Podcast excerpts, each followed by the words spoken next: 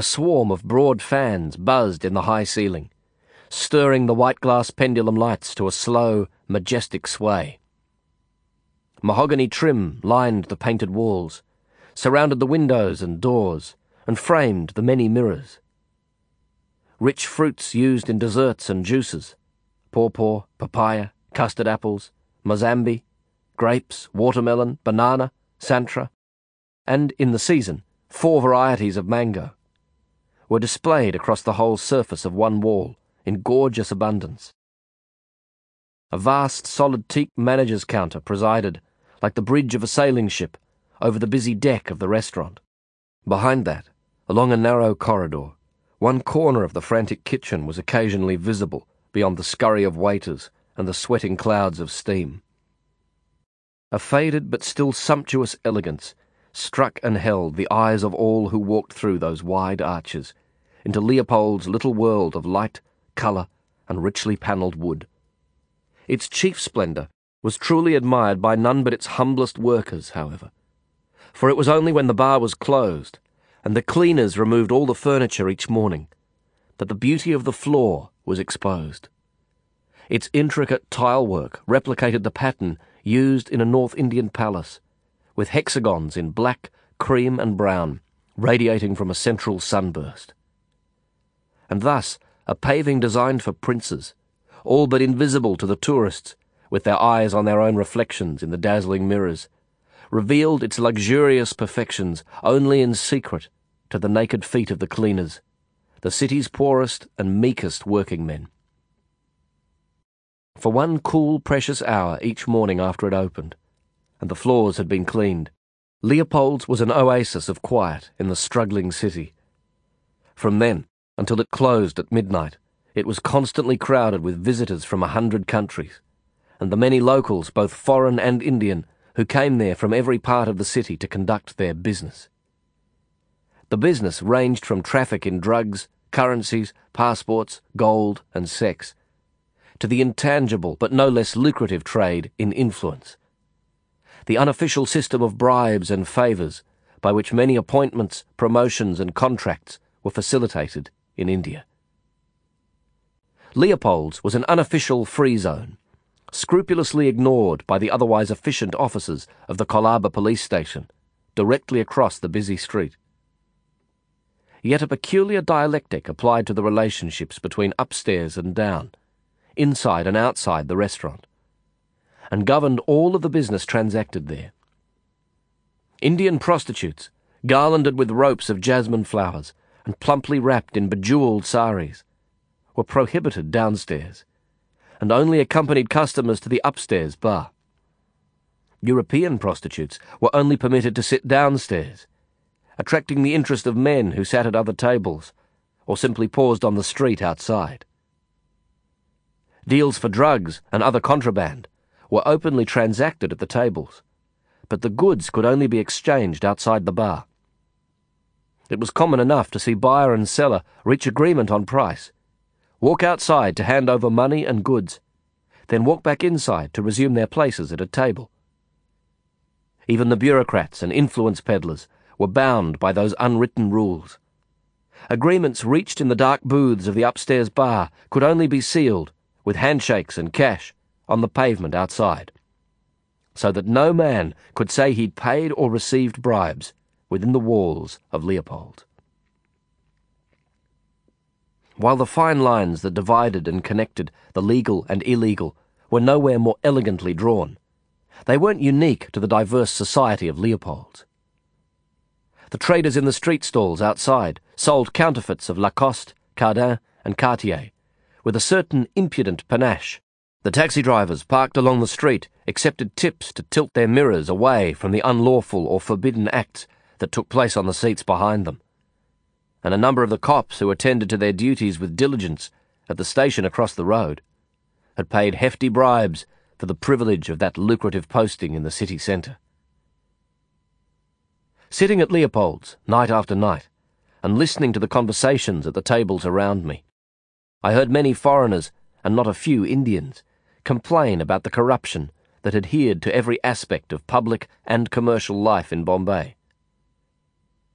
My few weeks in the city had already shown me that those complaints were often fair and often true. But there's no nation uncorrupted. There's no system that's immune to the misuse of money. Privileged and powerful elites grease the wheels of their progress with kickbacks and campaign contributions in the noblest assemblies. And the rich, all over the world, live longer and healthier lives than the poor. There is a difference between the dishonest bribe and the honest bribe, Didier Levy once said to me. The dishonest bribe is the same in every country, but the honest bribe is India's alone. I smiled when he said that, because I knew what he meant. India was open. India was honest. And I liked that from the first day. My instinct wasn't to criticize. My instinct, in the city I was learning to love, was to observe and become involved and enjoy. I couldn't know then that in the months and years to come, my freedom and even my life would depend on the Indian willingness to tilt the mirror. What? Alone? Didier gasped, returning to the table. C'est trop! Don't you know, my dear friend, it is faintly disgusting to be alone here. And I must tell you that being disgusting is a privilege I reserve exclusively for myself. Come, we will drink. He flopped into a chair beside me, calling his waiter to order more drinks.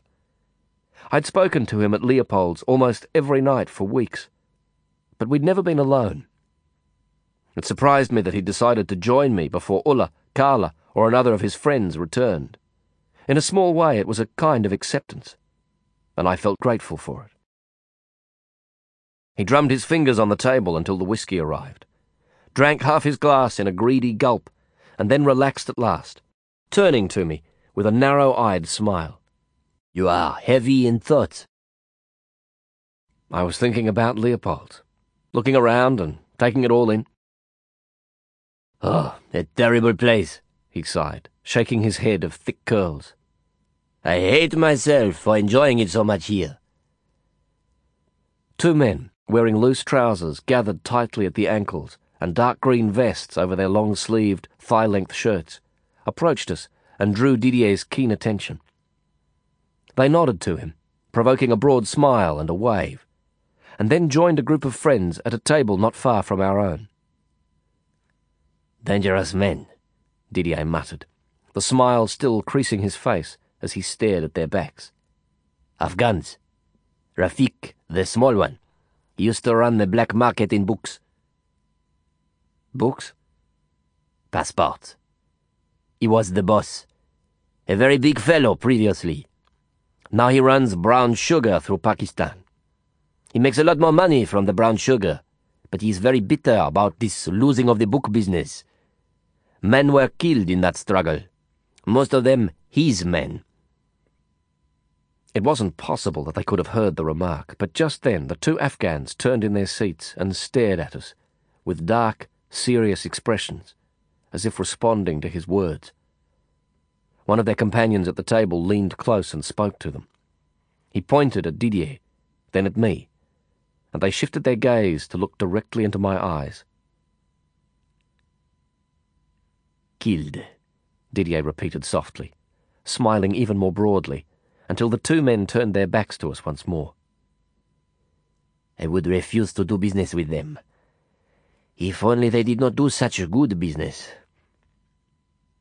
He was speaking out of the corner of his mouth like a prisoner under the eyes of the warders. It struck me as funny. In Australian prisons, that whispering technique is known as side valving. The expression spoke itself clearly in my mind, and together with Didier's mannerism, the words put me back in a prison cell. I could smell the cheap disinfectant, hear the metal hiss of the keys, and feel the sweating stone under my fingertips. Flashbacks are common to ex prisoners, cops, soldiers, ambulance drivers, firefighters, and others who see and experience trauma. Sometimes the flashback is so sudden and so inappropriate to the surrounding circumstance that the only sane reaction is foolish, uncontrollable laughter. Oh, you think I'm joking? Didier puffed indignantly. No, no, not at all. This is the truth, I assure you. There was a small war over this business. See, here, even now as we speak, the victors arrive. That is Bayram and his men. He is Iranian. He is an enforcer and one of those who works for Abdul Ghani, who in his turn works for one of the great crime lords of the city, Abdel Khader Khan. They won this little war, and now it is they who control the business in passport books. He gestured with a slight nod of his head to point out a group of young men, dressed in stylish western jeans and jackets, who had just entered through one of the arches. They walked to the manager's desk and greeted the owners of Leopold's warmly before taking a table on the far side of the room. The leader of their group was a tall, heavy-set man in his early thirties. He lifted his plump, jovial face above the heads of his friends and swept the room from right to left, acknowledging deferential nods and friendly smiles from a number of acquaintances at other tables. As his eyes found us, Didier waved a greeting. Blood, he said softly through his bright smile. For a time yet, uh, these passports will be stamped in blood. For me, it is nothing. In matters of food, I am French. In matters of love, I am Italian. And in matters of business, I am Swiss. Very Swiss. Strictly neutral. But there will be more blood on these books. Of that I am sure. He turned to me and blinked once, twice as if severing the thread of daydream with his thick lashes. I must be drunk, he said with pleasurable surprise. Let's have another drink. You go ahead. I'll sit on this one. How much do these passports cost? Anything from one hundred to one thousand. Dollars, of course. Do you want to buy one? No. Ah. This is a Bombay gold dealer's no. It is a no that means maybe. And the more passionate the no, the more definite they may be. When you want one, come to me. I will arrange it for you. For a small commission, of course. You make a lot of commissions here? Hmm, it goes. I cannot complain. He grinned, his blue eyes gleaming through lenses of pink alcoholic wetness. And make ends meet, as they say, and when they meet, I get a payment from both of the ends. Just now, tonight, I made the arrangements for a sale. Two kilos of Manali hashish. You see those Italian tourists over there, by the fruits? The fellow with the long blonde hair and the girl in red? They wanted to buy. Someone, you see him, out there on the street, the one with a dirty shirt and no shoes, waiting for his commission he put them to me, and then I, in my turn, put them to Ajoy. He makes hashish business, and he is an excellent criminal. See now, he sits with them, and all are smiling. The deal is done. My work for this night is finished. I am a free man. He thumped the table for another drink. But when the small bottle arrived, he grasped it for a while with both hands, staring at it with a brooding, pensive expression. How long will you stay in Bombay? he asked, without looking at me.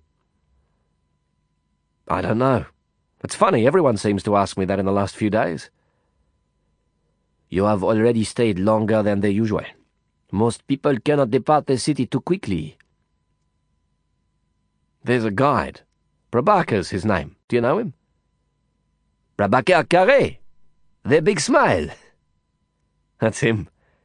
He's been showing me around for weeks now. I've seen all the temples and museums and art galleries and a lot of the bazaars. From tomorrow morning, he's promised to show me something of the other side of the city. The really city, he called it.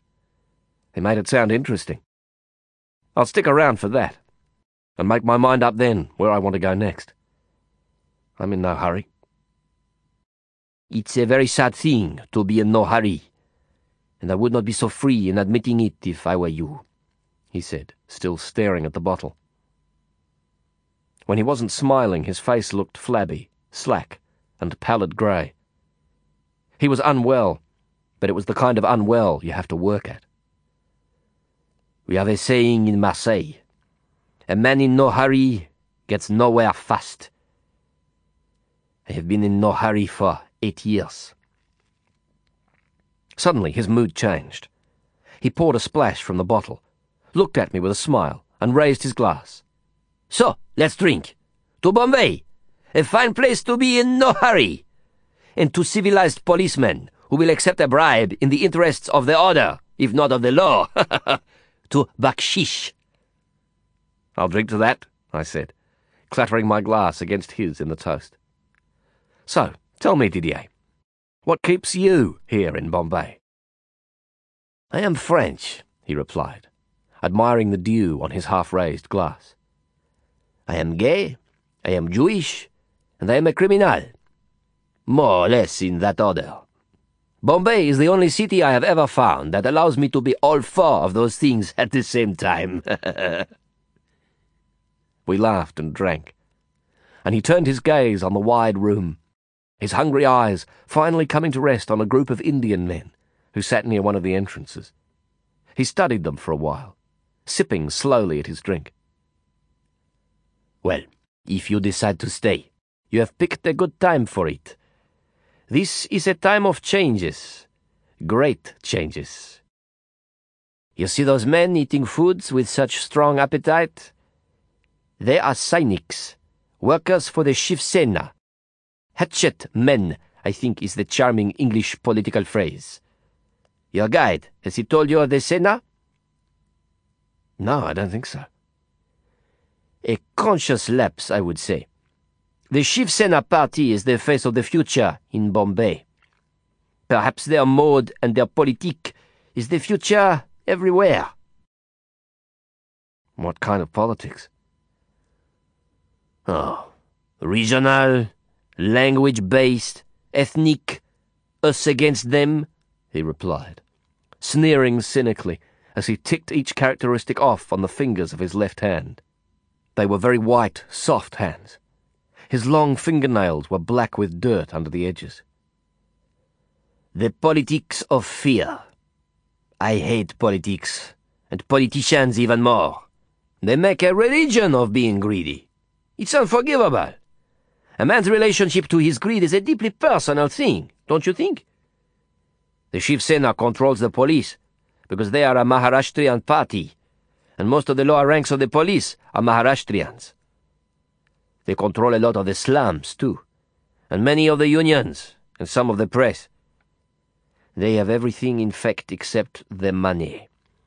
Oh, they have the support of the sugar barons and some of the merchants, but the real money, the industrial money and the black money, that is in the hands of the Parsis and the Hindus from other cities in India, and, most hated of all, the Muslims. And here is the struggle the guerre économique, the truth behind their talk of race and language and region. they are changing the city, a little less and a little more every day. Even the name has been changed, from Bombay to Mumbai. They haven't managed to change the maps yet, but they will do it. And they will do almost anything, join with almost anyone in their quest. There are opportunities, fortunes. Just in the last few months, some Sainiks, oh, not the public ones, not the highly placed ones, made a deal with Rafik and his Afghans and the police. In exchange for certain cash and concessions, the police closed down all but a few of the opium dens in the city. Dozens of the finest smoking parlors, places that have served the community for generations, were closed in a single week, closed forever. Normally, I do not interest myself in the pigsty of politics, or in the slaughterhouse of big business, for that matter. The only force more ruthless and cynical than the business of big politics is the politics of big business. But this is big politics and big business together, in the destruction of the opium smoking, and I am incensed. I ask you, what is Bombay without its chandu, its opium, and its opium dens? What is the world coming to? It's a disgrace. I watched the men he'd described as they concentrated with energetic single mindedness on their meal. The table was heaped with platters of rice, chicken, and vegetable dishes. None of the five men spoke, nor did they so much as look at one another as they ate, bending low to their plates and scooping the food into their mouths rapidly. That's a pretty good line, I commented, grinning widely. The one about the business of big politics and the politics of big business. I like it. Oh, my dear friend, I cannot claim it as my own. It was Carla who said it to me the first time, and I have used it ever since. I am guilty of many crimes. Of most crimes, to say the truth. But I have never claimed a cleverness that was not my own. Admirable, I laughed. Well, he puffed, a man has to draw the line somewhere. Civilization, after all, is defined by what we forbid more than what we permit. He paused, drumming the fingers of his right hand on the cold marble tabletop. After a few moments, he glanced around at me. That is one of mine, he said, apparently peeved that I hadn't drawn attention to the phrase. When I didn't react, he spoke again. About the civilization, it was one of mine. And damn clever, I responded quickly. Oh, nothing at all, he said modestly. Then he caught my eye, and we both laughed out loud. What was in it for Rafik, if you don't mind my asking? That stuff about closing all the opium dens. Why did he go along with it? Go along with it? Didier frowned. Why, it was his idea. There's more money to be made from Garad, brown sugar heroin, than there is from opium. And now everyone, all the poor who were Chandu smokers, they have become Garad smokers. Rafik controls the Garad, the brown sugar. Not all of it, of course. No one man controls all the thousands of kilos of brown sugar that come from Afghanistan, through Pakistan into India. But a lot of it is his. A lot of the Bombay brown heroin. This is big money, my friend. Big money. Why did the politicians go along with it? Ah, it is not only brown sugar and hashish that comes from Afghanistan into India, he confided, lowering his voice and speaking from the corner of his mouth once more. There are guns, heavy weapons, explosives. The Sikhs are using these weapons now in Punjab, and the Muslim separatists in Kashmir. There are weapons, you see, and there is power the power to speak for many of the poor Muslims who are the enemies of the Shiv Sena.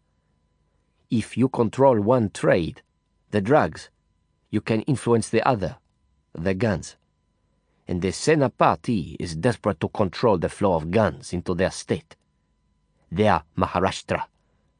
Money and power. Look there, at the table next to Rafik and his men. You see the three Africans? Two men and a woman? Yes, I noticed her before. She's very beautiful.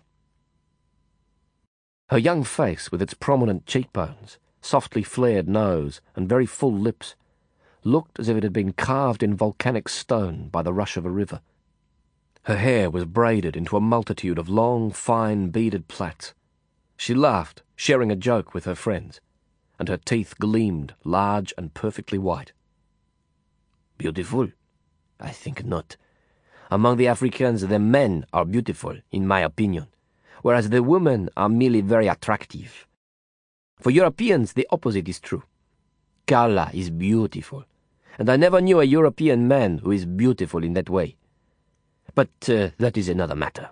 I mean only to say that they are customers of Rafik, Nigerians, and that their business between Bombay and Lagos is one of the concessions a spin off is the term, I think, of this deal with the Sainiks.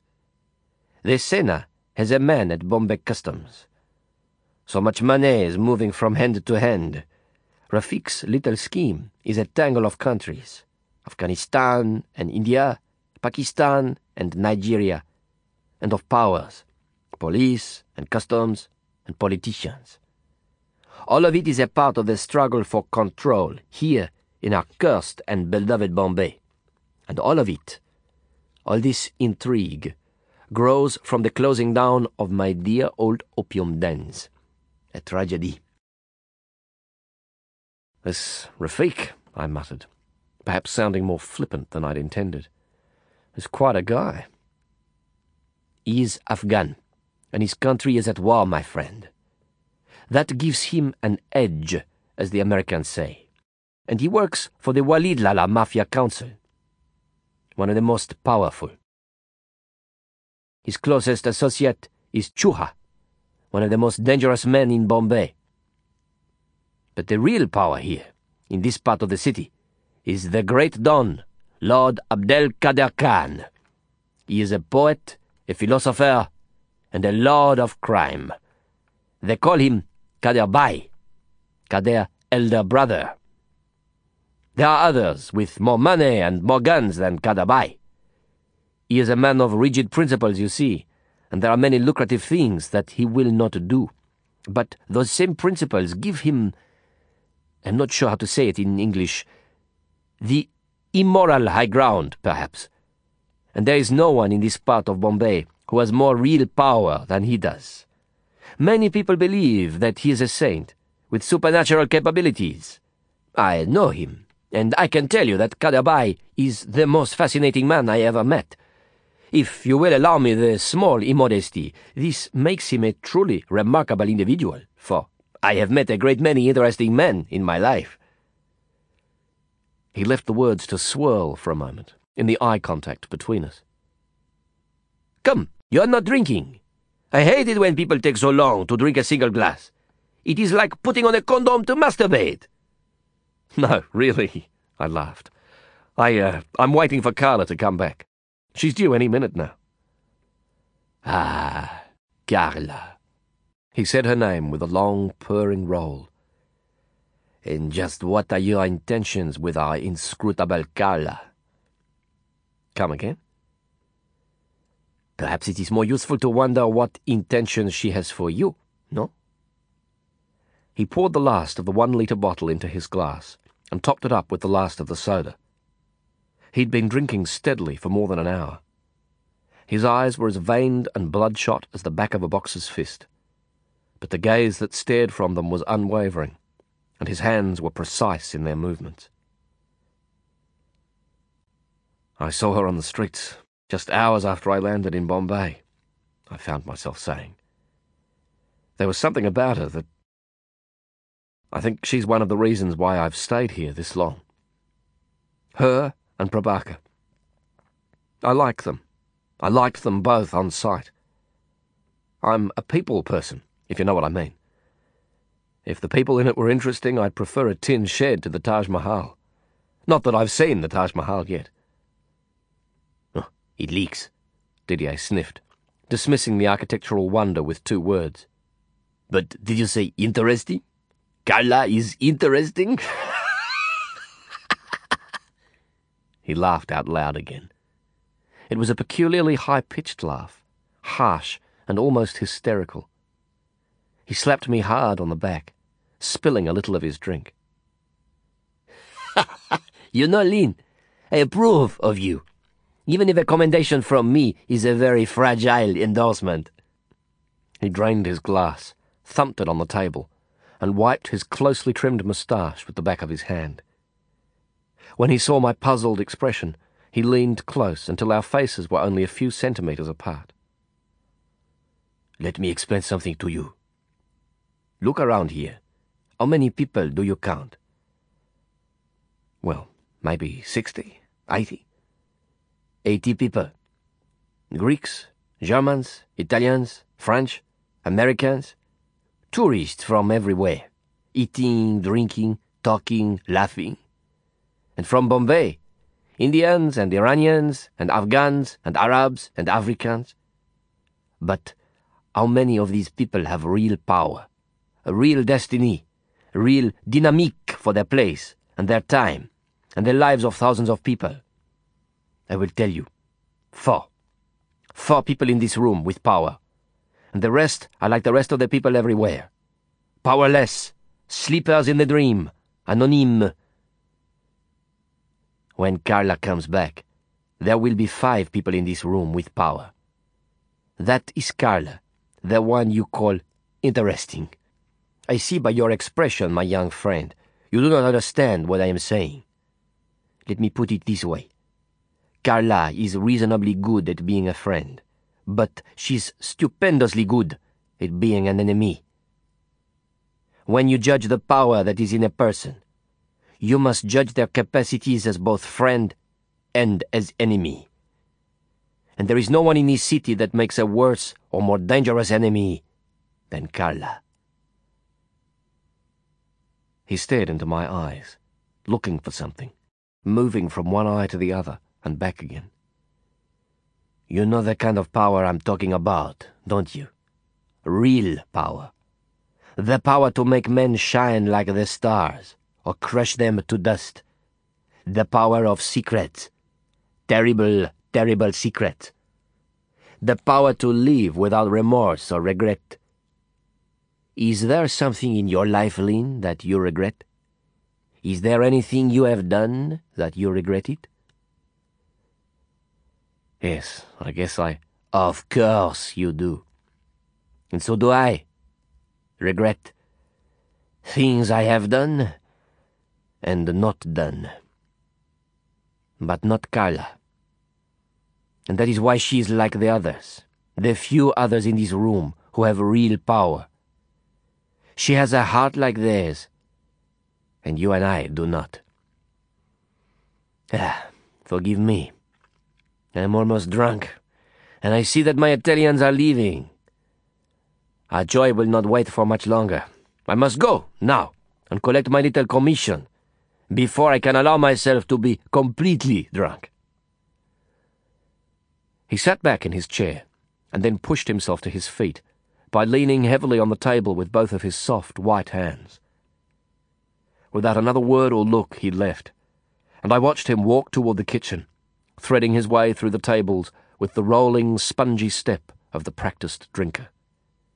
His sports coat was creased and wrinkled at the back, where he'd been leaning against the chair, and the seat of his trousers hung in baggy folds. Before I knew him well enough, before I realized how much it meant that he'd lived by crime and passion for eight years in Bombay without making a single enemy, and without borrowing a single dollar, I tended to dismiss Didier as little more than an amusing but hopeless drunkard. It was an easy mistake to make, and one that he himself encouraged. The first rule of black business everywhere is never let anyone know what you're thinking. Didier's corollary to the rule was always know what the other thinks of you. The shabby clothes, the matted curly hair, pressed flat in places where it had rested on the pillow the night before, even his fondness for alcohol, exaggerated into what seemed to be a debilitating addiction. These were all expressions of an image he cultivated, and were as carefully nuanced as a professional actor's. He made people think that he was harmless and helpless, because that was the precise opposite of the truth. I had little time to think about Didier and the puzzling remarks he'd made, however, because Karla soon returned and we left the restaurant almost at once. We took the long way to her small house, walking beside the sea wall that runs from the Gateway of India to the Radio Club Hotel. The long, wide street was empty. On our right, behind a row of plane trees, were hotels and apartment buildings. A few lights, here and there, showed window graphs of the lives being lived in those rooms. A sculpture displayed on one wall a shelf of books on another, a poster of some Indian deity, framed in wood, surrounded by flowers and smoky streamers of incense, and just visible in the corner of a street level window, two slender hands pressed together in prayer.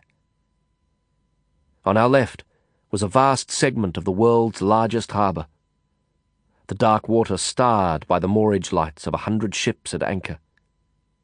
Beyond them, the horizon quivered with fires flung from the towers of offshore refineries. There was no moon.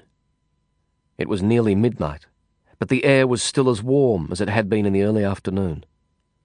High tide on the Arabian Sea brought occasional sprays over the waist-high stone wall. Mists that swirled on the Simoom all the way from the coast of Africa. We walked slowly. I looked up often at the sky so heavy with stars that the black net of night was bulging, overflowing with its glittering haul. Imprisonment meant years without a sunrise, a sunset, or a night sky. locked in a cell for 16 hours each day, from early afternoon to late morning. Imprisonment meant that they took away the sun and the moon and the stars.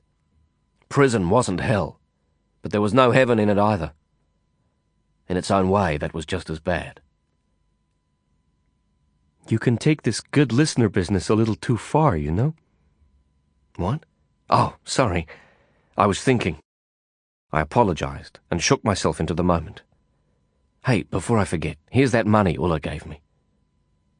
She accepted the roll of notes from me and shoved it into her handbag without looking at it. It's strange, you know. Ulla went with Modena to break away from someone else who was controlling her like a slave. Now she's Modena's slave, in a way.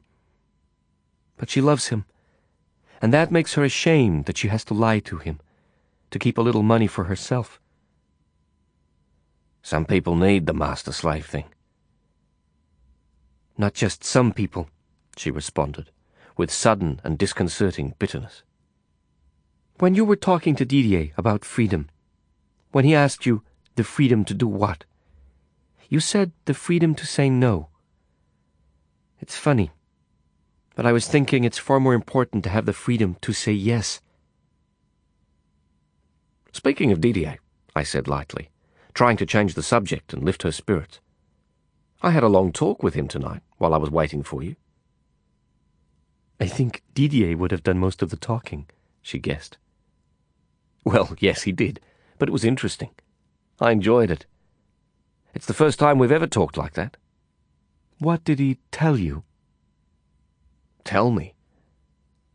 The phrase struck me as peculiar. It carried the hint that there were things he shouldn't tell. He was giving me some background on some of the people at Leopold's the Afghans and the Iranians and the Shiv Sainiks, or whatever they're called, and the local mafia dons. She gave a wry little smile. I wouldn't take too much notice of what Didier says. He can be very superficial, especially when he's being serious. He's the kind of guy who gets right down to the skin of things, if you know what I mean. I told him once he's so shallow that the best he can manage is a single entendre. The funny thing is, he liked it. I'll say this for Didier you can't insult him. I thought you two were friends, I remarked, deciding not to repeat what Didier had said about her. Friends? Well, sometimes I'm not really sure what friendship is. We've known each other for years. We used to live together once. Did he tell you? No, he didn't. Yeah, for a year, when I first came to Bombay. We shared a crazy, fractured little apartment in the fort area. The building was crumbling around us. Every morning we used to wake with plaster on our faces from the pregnant ceiling, and there were always new chunks of stone and wood and other stuff in the hallway. The whole building collapsed in the monsoon a couple of years ago, and a few people were killed. I walk that way sometimes and look up at the hole in the sky where my bedroom used to be. I suppose you could say that we're close, Didier and I. But friends. Friendship is something that gets harder to understand every damn year of my life. Friendship is like a kind of algebra test that nobody passes. In my worst moods, I think the best you can say is that a friend is anyone you don't despise. Her tone was serious, but I allowed myself a gentle laugh. Oh, that's a bit strong, I think. She looked at me, frowning hard, but then she too laughed. Maybe it is. I'm tired. I haven't had enough sleep for the last few nights. I don't mean to be hard on Didier. It's just that he can be very annoying sometimes, you know? Did he say anything about me? He he said that he thinks you're beautiful. He said that? Yes. He was talking about beauty in white people and black people, and he said, Karla is beautiful. She raised her eyebrows in mild and pleased surprise. Well, I'll take that as a significant compliment, even if he is an outrageous liar. I like Didier. Why? she asked quickly. Oh, I don't know. It's his professionalism, I think. I like people who are expert at what they do. And there's a sadness in him that kind of makes sense to me. He reminds me of a few guys I know. Friends. At least he makes no secret of his decadence, she declared. And I was suddenly reminded of something Didier had told me about Karla and the power of secrets. Perhaps that's what we really have in common, Didier and I. We both hate hypocrites. Hypocrisy is just another kind of cruelty. And Didier's not cruel. He's wild, but he's not cruel. He's been quiet in the last while, but there were times when his passionate affairs were the scandal of the city, or at least of the foreigners who live here. A jealous lover, a young Moroccan boy, chased him down the causeway with a sword one night. They were both stark naked. Quite a shocking event in Bombay, and in the case of Didier, something of a spectacle I can report. He ran into the Colaba police station, and they rescued him. They are very conservative about such things in India, but Didier has one rule. He never has any sex involvement with Indians. And I think they respect that. A lot of foreigners come here just for the sex with very young Indian boys. Didier despises them, and he restricts himself to affairs with foreigners. I wouldn't be surprised if that's why he told you so much of other people's business tonight. He was trying to seduce you, perhaps by impressing you with his knowledge of dark business and dark people. Oh, hello? Katsuli? Hey, where did you come from? We'd come upon a cat that was squatting on the sea wall to eat from a parcel someone had discarded there. The thin grey animal hunkered down and scowled, growling and whining at the same time. But it allowed Karla to stroke its back as it lowered its head to the food once more. It was a wizened and scabrous specimen, with one ear chewed to the shape of a rosebud, and bare patches on its sides and back, where unhealed sores were exposed. I found it amazing that such a feral, emaciated creature should permit itself to be petted by a stranger, and that Karla would want to do such a thing. Even more astounding, it seemed to me then, was that the cat had such a keen appetite for vegetables and rice, cooked in a sauce of whole, very hot chilies. Oh, look at him, she cooed. Isn't he beautiful? Well, don't you admire his courage, his determination to survive? I'm afraid I don't like cats very much. I don't mind dogs, but cats. But you must love cats. In a perfect world, all the people would be like cats are, at two o'clock in the afternoon. I laughed. Did anyone ever tell you you've got a very peculiar way of putting things? What do you mean? she asked, turning to me quickly. Even in the streetlight, I could see that her face was flushed, almost angry. I didn't know then that the English language was a gentle obsession with her, that she studied and wrote and worked hard to compose those clever fragments of her conversation. Just that you have a unique way of expressing yourself. Don't get me wrong. I like it. I like it very much. It's like, well, take yesterday, for instance. When we were all talking about truth, capital T truth, absolute truth, ultimate truth, and is there any truth? Is anything true? Everybody had something to say about it. Didier, Ulla, Maurizio, even Modena. Then you said, the truth is a bully we all pretend to like. I was knocked out by it. Did you read that in a book or hear it in a play or a movie? No, I made it up myself. Well, that's what I mean. I don't think I could repeat anything that the others said and be sure of getting it exactly right, but that line of yours, I'll never forget it. Do you agree with it?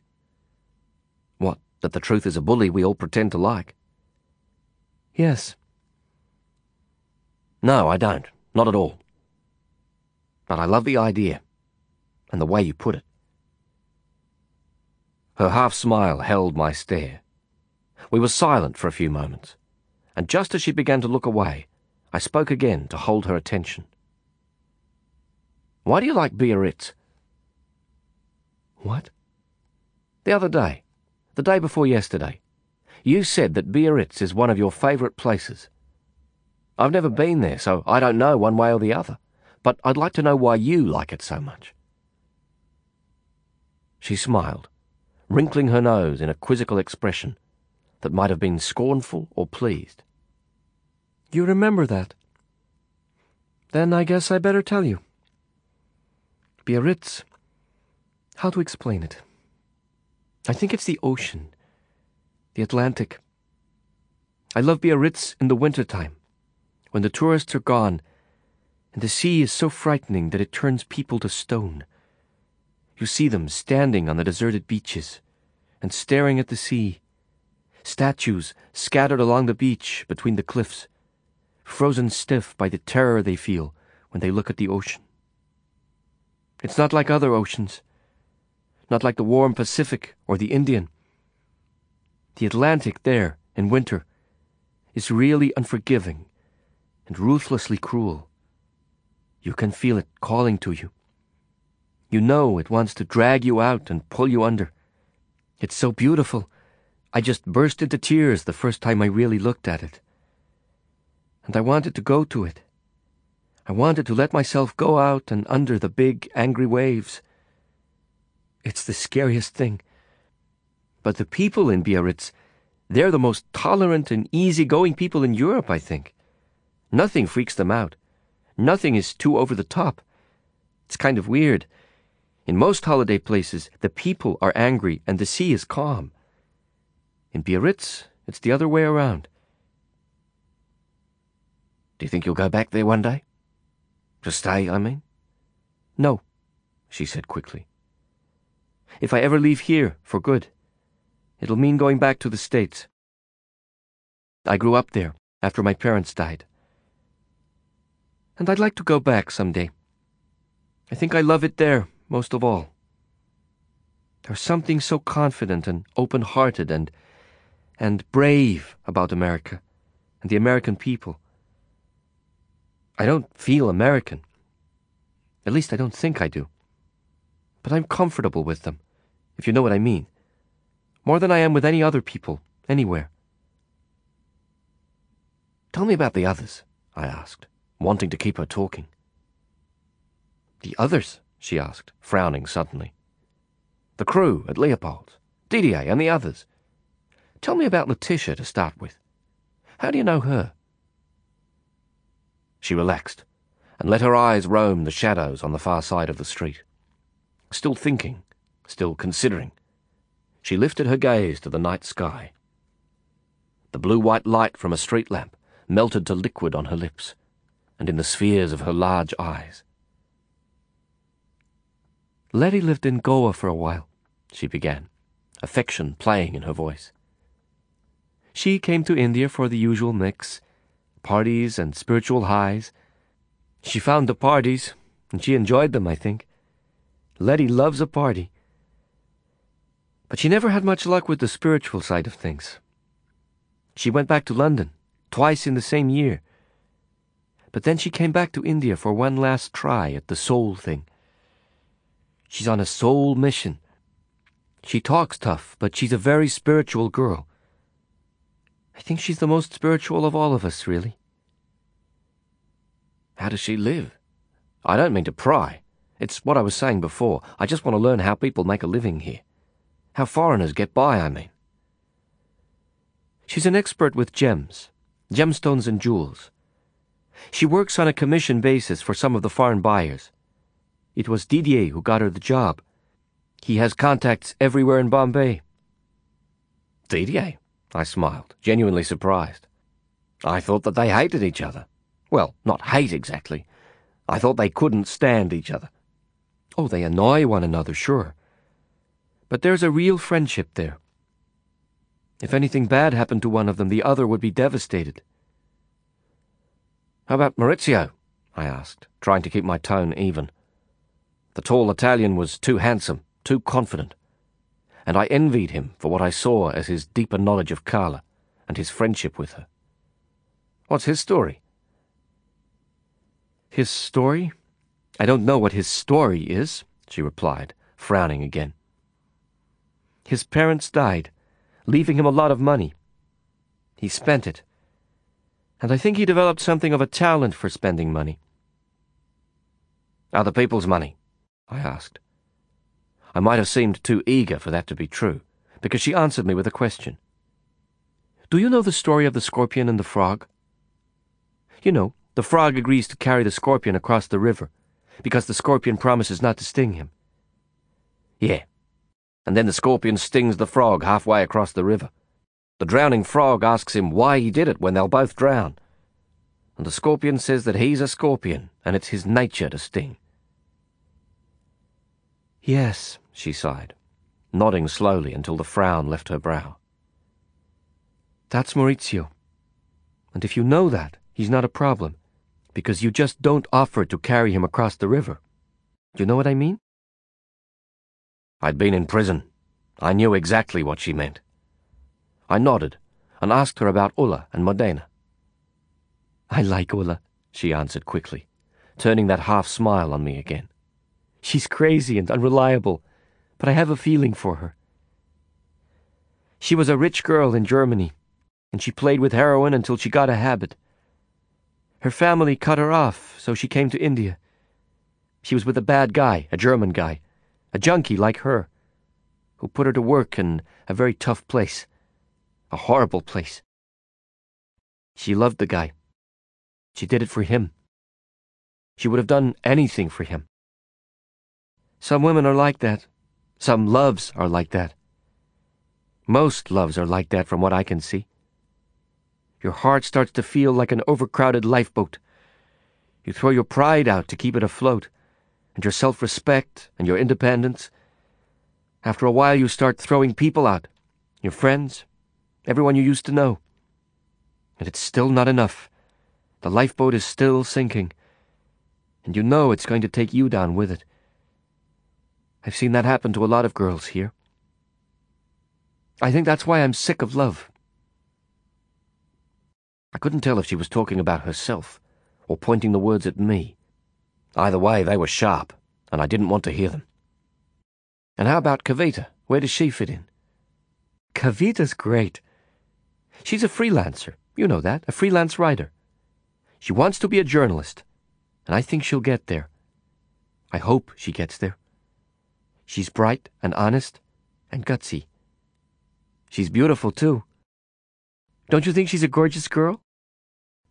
Sure, I agreed, recalling the honey-coloured eyes, the full and shapely lips, and the long, expressive fingers. She's a pretty girl, but they're all good-looking people, I think. Even Didier, in his crumpled-up way, has got a touch of the Lord Byron about him. Letty's a lovely girl. Her eyes are always laughing. They're real ice blue, her eyes, aren't they? Ulla looks like a doll, with those big eyes and big lips on such a round face. But it's a pretty doll's face. Maurizio's handsome, like a magazine model. And Modena's handsome in a different way, like a bullfighter or something. And you're... You're the most beautiful woman I've ever seen with my own eyes. There, I'd said it and even in the shock of speaking the thought out loud, I wondered if she'd understood, if she'd pierced my words about their beauty and hers, to find the misery that inspired them, the misery that an ugly man feels in every conscious minute of love. She laughed, a good, deep, wide-mouthed laugh, and seized my arm impulsively, pulling me along the footpath. Just then, as if drawn from the shadows by her laughter, there was a clattering rattle of noise as a beggar, riding on a small wooden platform with metal ball-bearing wheels, rolled off the footpath on the opposite side of the street. He pushed himself forward with his hands until he reached the centre of the deserted road, wheeling to a stop with a dramatic pirouette. His piteously thin mantis legs were folded and tucked beneath him on the platform, which was a piece of wood no bigger than a folded newspaper. He wore a boy's school uniform of khaki shorts and a powder blue shirt. Although he was a man in his twenties, the clothes were too big for him. Karla called out, greeting him by name, and we stopped opposite him. They spoke for some time in Hindi. I stared across the ten metres that separated us, fascinated by the man's hands. They were huge hands, as wide across the back, from knuckle to knuckle, as his face. In the streetlight, I could see that they were thickly padded on the fingers and palms like the paws of a bear. Good night, he called out in English after a minute. He lifted one hand, first to his forehead and then to his heart, in a delicate gesture of consummate gallantry. With another swift, show-off's pirouette, he propelled himself forward along the road, gaining speed as he rolled down the gentle slope to the Gateway Monument. We watched him out of sight, and then Karla pulled at my arm, leading me along the path once more. I allowed myself to be led. I allowed myself to be drawn by the soft pleading of the waves and the roulade of her voice, by the black sky and the darker night of her hair, by the sea tree stone smell of the sleeping street, and the perfume sublime on her warm skin. I allowed myself to be drawn into her life, and the life of the city. I walked her home. I said good night. And I was singing quietly to myself as I went back along the silent brood of streets to my hotel. Chapter 3 What you're saying is that we're finally going to get down to the real deal. Real will be full, Baba, Prabaker assured me. And deal will be plenty also. Now you will see it, the really city. Usually I am never taking the tourists to these places. They are not liking it, and I am not liking their not liking. Or maybe sometimes they are liking it too much in these places, and I am liking that even less, isn't it? You must have it a good heads to like these things, and you must be having a good hearts to not like them too much. Like you, Lin Baba. You are my good friend. I knew it very well on that first day when we were drinking the whiskey in your room. Now, my Bombay, with your good heads and your good hearts, you will see it all.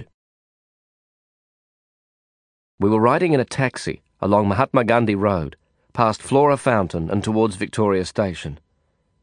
It was an hour before noon, and the swash of traffic that coursed through that stone canyon was swollen by large numbers of runners pushing tiffin carts. The runners collected lunches from homes and apartments and placed them in tin cylinders called jalpans, or tiffins. They pushed huge trays of the tiffins on long wooden carts six men and more to a cart. Through the heavy metal traffic of buses, trucks, scooters, and cars, they made deliveries at offices and businesses all over the city. None but the men and women who operated the service knew exactly how it was done. How barely literate men evolved the bafflingly complex system of symbols, colours, and key numbers to mark and identify the cylinders. How, day after day, hundreds of thousands of those identical containers swept through the city on their wooden axles, oiled with sweat, and reached the right man or woman, among millions, every time. And how all that was achieved at a cost measured in cents rather than dollars. Magic, the trick that connects the ordinary to the impossible, was the invisible river that ran through every street and beating heart in Bombay in those years.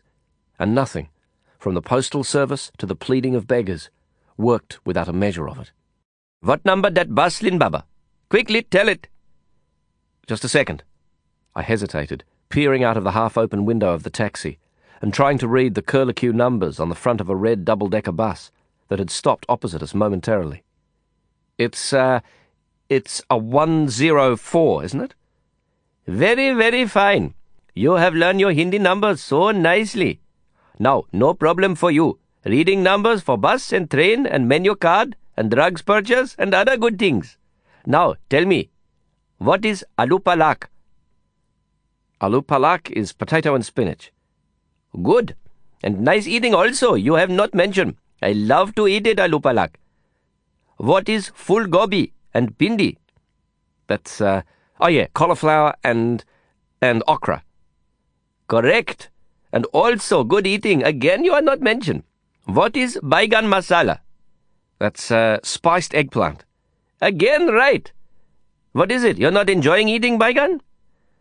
Yes, yes, all right. Baigan is good eating too. I don't like it, baigan, so much, he sneered, wrinkling up his short nose. Tell me, what am I calling chera, mon, and dil? Okay, don't tell me. Face, mouth, and heart. Is that right? Very right, no problem. I've been watching it how nicely you eat up your foods with the hand, like a good Indian style. And how you learn to ask for the things.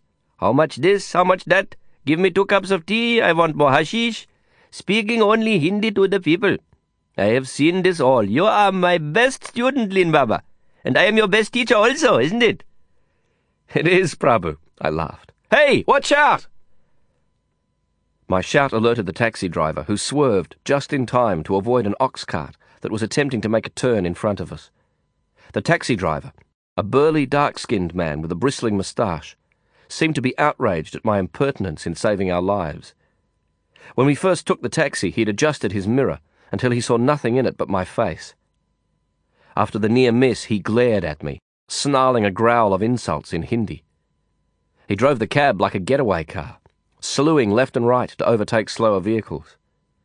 There was an angry, bullying pugnacity in his attitude to everyone else on the road. He rushed to within centimetres of every slower car in his path, sounding his horn, then all but nudging it out of the way. If the slower car moved a little to the left in order to let him pass, our driver drew beside it, pacing it for a time and shouting insults. When he spied another slow vehicle ahead, he sped forward to repeat the procedure. From time to time, he opened his door and leaned out over the road to spit pan juice, taking his eyes off the traffic ahead for long seconds as we hurtled along in the rattling cab. This guy's a nutcase, I muttered to Prabaker. Driving is not so good, Prabaker replied, bracing himself with both arms against the back of the driver's seat. But I have to say, the spitting and insulting is a first class job. For Christ's sake, tell him to stop! I shouted as the cab accelerated into a squall of traffic, lurching in the swerve left and right. He's going to kill us! Bant karo! Prabaker shouted. Stop! He added a pithy curse for good measure, but the driver only became more enraged. With the car hurtling along at top speed, he turned his head to snarl at us. His mouth was wide open and his teeth were bared. His eyes were huge, their blackness streaked with rage. Hurry! Prabaker shrieked, pointing past the driver. It was too late. The man turned quickly. His arms stiffened at the wheel and he hit the brakes hard. There was a skating, sliding second, two seconds, three seconds. I heard a guttural gasp of air from deep in his throat. It was a sucking sound like the lifting of a flat stone from the moist clay on the edge of a riverbed. Then there was the whump and crash as we slammed into a car that had stopped in front of us to make a turn. We were thrown forward into the back of his seat and heard two thumping explosions as two other cars rammed into us. Shattered glass and chrome fragments rattled on the road like thin metallic applause in the sudden silence that followed the impacts. My head had hit the door in the tumble spill of the accident. I felt blood flowing from a cut above my eye, but I was otherwise unhurt. As I wriggled myself up from the floor and onto the back seat once more, I felt Prabaker's hands on me. Nothing broken, you are, Lin. You are okay. I'm okay, I'm okay. You are sure? Everything not broken? Jesus, Prabhu, I don't care how good this guy's spitting is, I said, laughing nervously and ragged with relief. He doesn't get a tip. Are you all right? They must get out, Lin, he answered, his voice rising to a hysterical whine. Out! Out of here! Now! The door on his side was jammed shut, and he began to push at it with his shoulder. He couldn't budge it. He reached across me to try the door on my side, but saw at once that another car was jammed against it, pinning it shut. Our eyes met, and there was such fear in him, such terror in the white rimmed bulge of his eyes, that I felt the coldness of it deep in my chest. He turned at once and threw himself again at the door on his side. My mind was muddy water, and one idea splashed up from it, clear and exclusive. Fire. Is that what he's afraid of? Once I'd asked myself the question, I couldn't stop thinking it. I looked at the terror that pulled at Prabaker's gasping mouth, and I was sure the taxi was going to catch fire. I knew we were trapped there. The rear windows in all the Bombay taxis I'd seen didn't open beyond a few centimetres. The doors were jammed, and the windows wouldn't open, and the taxi was going to explode in fire, and we were trapped. Burned alive. Is that why he's so scared? I looked to the driver. He was slumped awkwardly between the steering wheel and the door. His body was still, but I heard him moaning. Beneath the thin shirt, the abacus ridge of his spine rose and fell with each slow and shallow breath. Faces appeared at the windows of the cab, and I heard excited voices. Prabaker looked out at them, turning this way and that, his face cramped in an expression of terrible anguish. Suddenly, he clambered over the seat into the front of the car and wrestled the passenger door open. Turning swiftly and grabbing at my arms with surprising strength, he tried to drag me by main force over the seat that divided us. Desvelin! Get out now! Hurry! Hurry! I climbed up and over the seat. Prabaker got out of the car, pushing his way into a crowd of onlookers. I reached out to the driver, trying to prise him from the obstructing rim of the steering wheel. But Prabaker's hands were on me again, brutally rough. The fingernails of one hand tore into the skin of my back, and the other wrenched at the collar of my shirt. Don't touch him, Lin! he almost screamed. Don't touch him! Leave him and get out! Get out now! He dragged me from the car and through the hedge of bodies pressing in on the accident. On a footpath nearby, we sat beneath a fringe of hawthorn leaves that overhung a fence of wrought iron spears and inspected one another for injuries. The cut on my forehead, above my right eye, wasn't as serious as I'd thought. The bleeding had already stopped, and it began to weep a clear, plasmic fluid. I was sore in a few places, but it was no cause for concern. Prabaker cradled his arm, the same arm that had pulled me from the car with such irresistible power, and it was obvious that he was in pain. A large swelling had already formed near the elbow. I knew it would leave a nasty bruise, but nothing seemed to be broken. Looks like you were wrong, Prabhu, I chided, smiling as I lit a cigarette for him. Wrong, Baba? Getting us out of the car in such a panic and all. You really had me going. I thought the damn thing was going to catch fire, but it looks okay. Oh, he replied softly, staring straight ahead. You think I was frightened for fire? Not fire in the car, Lin, but fire in the people. Look now. See the public, how they are. We stood, stretching the ache from shoulders and whiplashed necks, and looked toward the wreckage some ten metres away. About thirty people had gathered around the four crashed vehicles. A few of them were helping drivers and passengers from the damaged cars. The rest huddled together in groups, gesturing wildly and shouting. More people streamed towards the site from every direction. Drivers of other cars that had been blocked from travelling further left their vehicles and joined the crowd. The thirty people became fifty, eighty, then a hundred as we watched. One man was the centre of attention. It was his car that had been trying to turn right. His car we'd smashed into, with the brakes on full lock. He stood beside the taxi, bellowing with rage. He was a round shouldered man, in his middle forties, wearing a grey cotton safari suit that had been tailored to accommodate the extravagant boast of his large paunch. His thinning hair was awry. The breast pocket of his suit had been torn. There was a rip in his trousers, and he'd lost one sandal.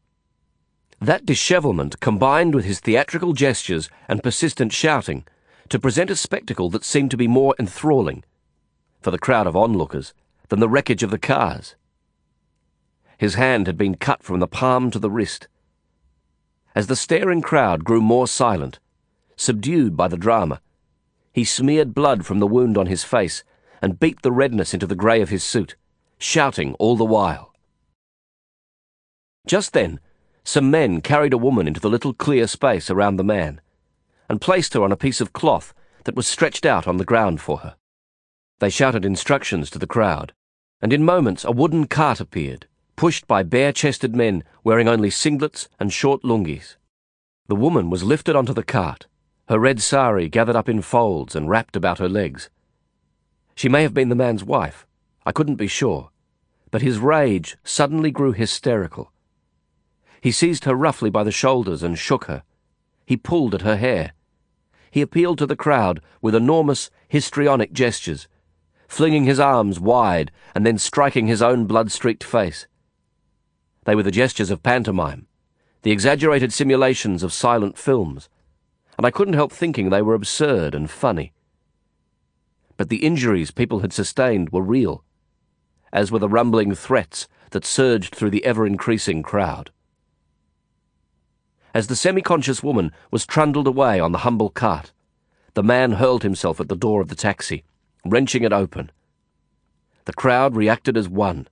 They dragged the dazed and injured taxi driver from his cab in an instant and flung him on the bonnet of the car. He raised his arms in feeble pleading, but a dozen, twenty, fifty hands punched and tore at him. Blows drummed on his face, chest, stomach, and groin. Fingernails scratched and ripped, tearing his mouth open on one side almost to the ear, and shredding his shirt to rags. It happened in seconds.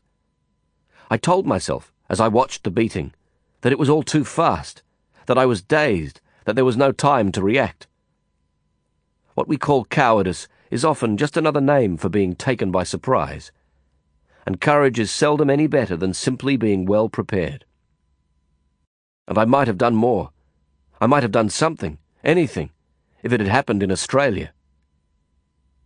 It's not your country, I told myself, as I watched the beating.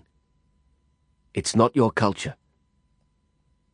But there was another thought, dark and secret then, and all too clear to me now. The man was an idiot, an insulting and belligerent idiot, whose reckless stupidity had risked Prabaker's life and mine. A splinter of spite had pierced my heart when the crowd turned on him. And at least some small particle of their revenge, a blow or a shout or a shove, was my own. Helpless, craven, ashamed, I did nothing. We've got to do something, I said lamely. Enough people are doing, Baba, Prabaker replied. No, I mean, we've got to. Can't we help him somehow? For this fellow is no helping, he sighed. Now you see it, Lin. Accidents is very bad business in Bombay. Better you get out of that car or taxi or what is it you are in very, very quickly.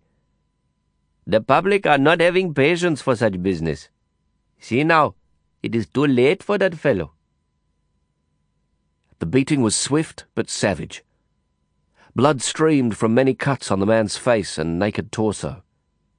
At a signal, perceived somehow through the howl and shriek of the crowd, the man was lifted up and carried off at head height. His legs were pressed together and stretched out, held rigid by a dozen hands. His arms were splayed out at right angles to his body and held fast. His head lolled and fell back, the soft, wet flap of skin hanging from cheek to jaw. His eyes were open, conscious, staring backward and upside down. Black eyes scudded with fear and imbecile hope.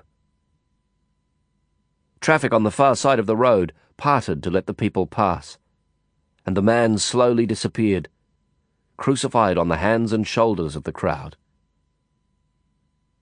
Come on, Lin. Let's go. You okay? I'm all right, I mumbled, forcing myself to shuffle into step beside him. My self assurance had melted through muscle and bone to settle in my knees. Each step was leaden and willed. It wasn't the violence that had shaken me. I'd seen worse, and with far less provocation in prison. It was instead the too sudden collapse of my stilted complacencies the weeks of the city I'd thought I was beginning to know. The Bombay of temples, bazaars, restaurants, and new friends had cindered in the fires of that public rage. What what are they going to do with him? They will take him to police. I think so. Behind Crawford Market is one police station for this area.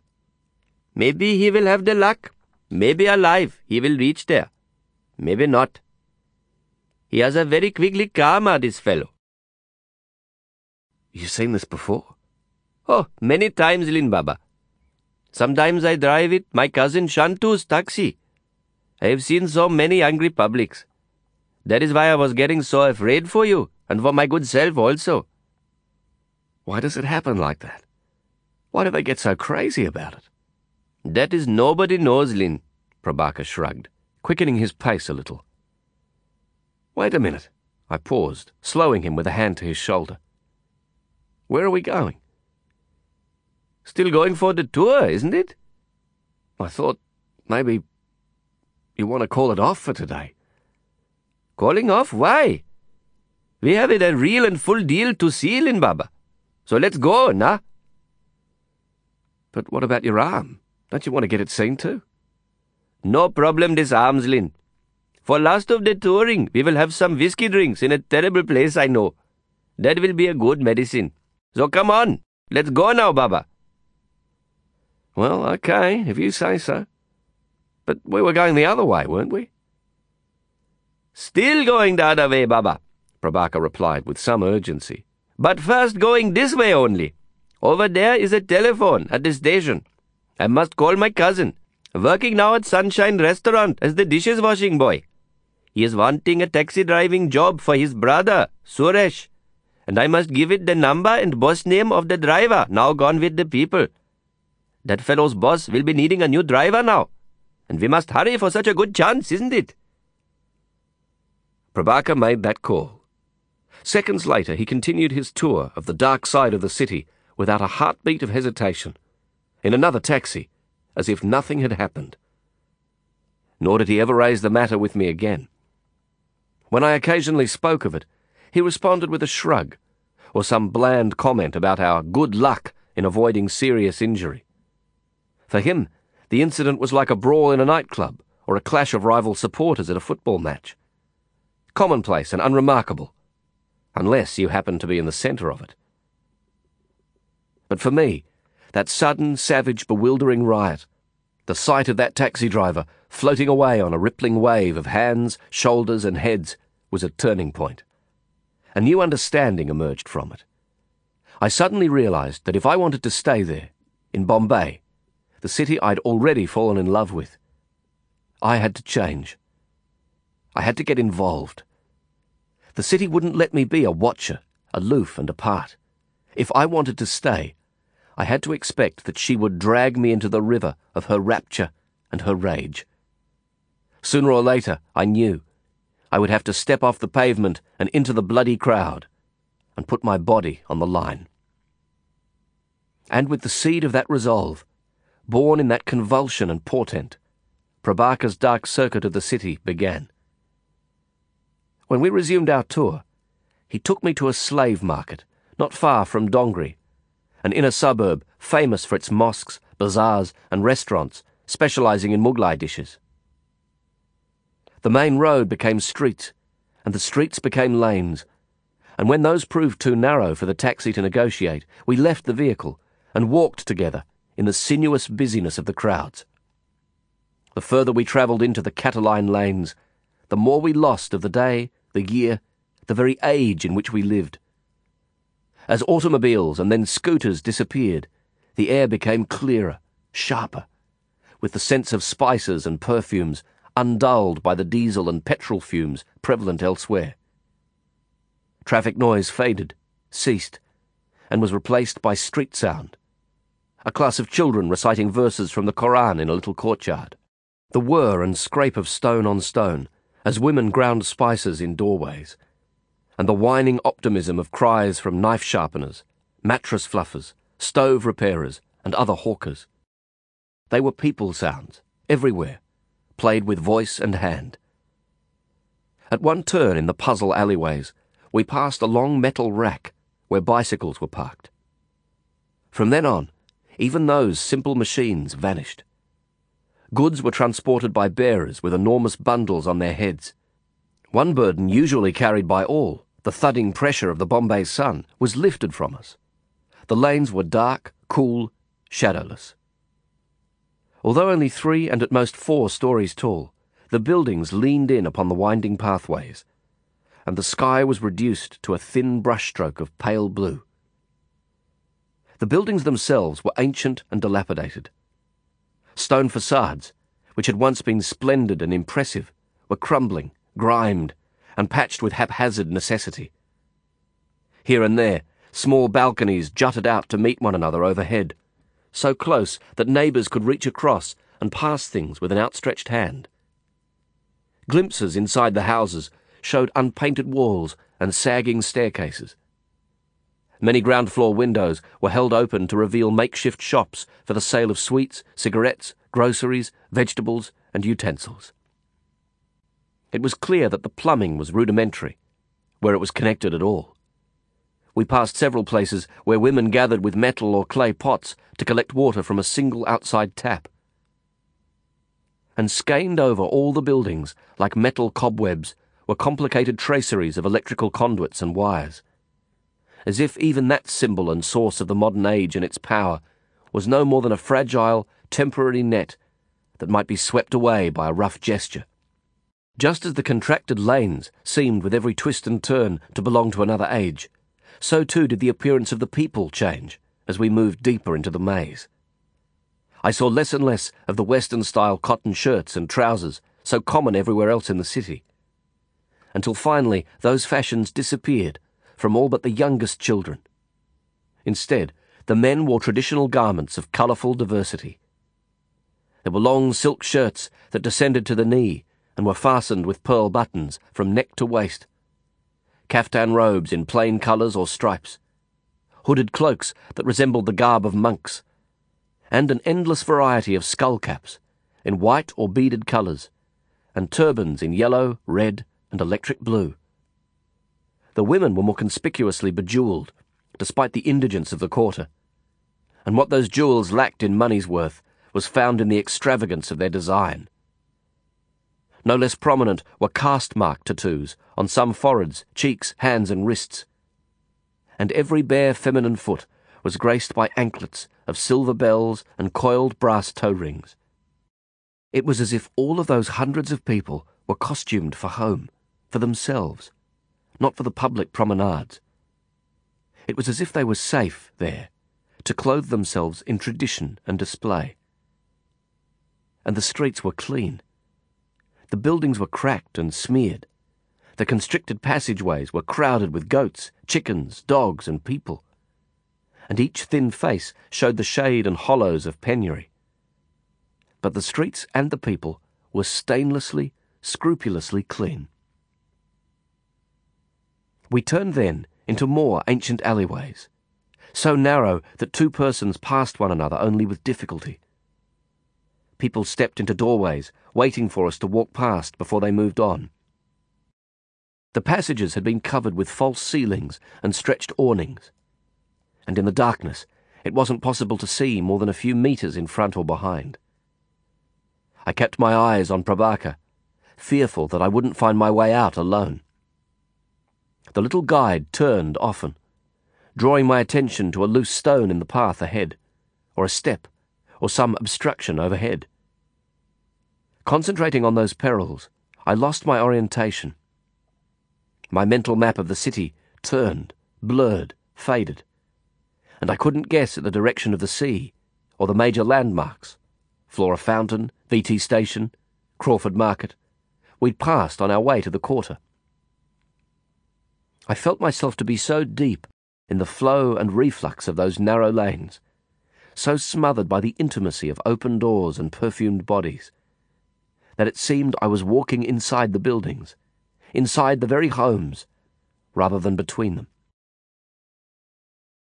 We came upon a stall where a man in a sweat stained cotton vest stirred battered foods frying in a dish of bubbling oil. The blue flames of his kerosene stove eerie and claustral, provided the only light. Emotion haunted his face.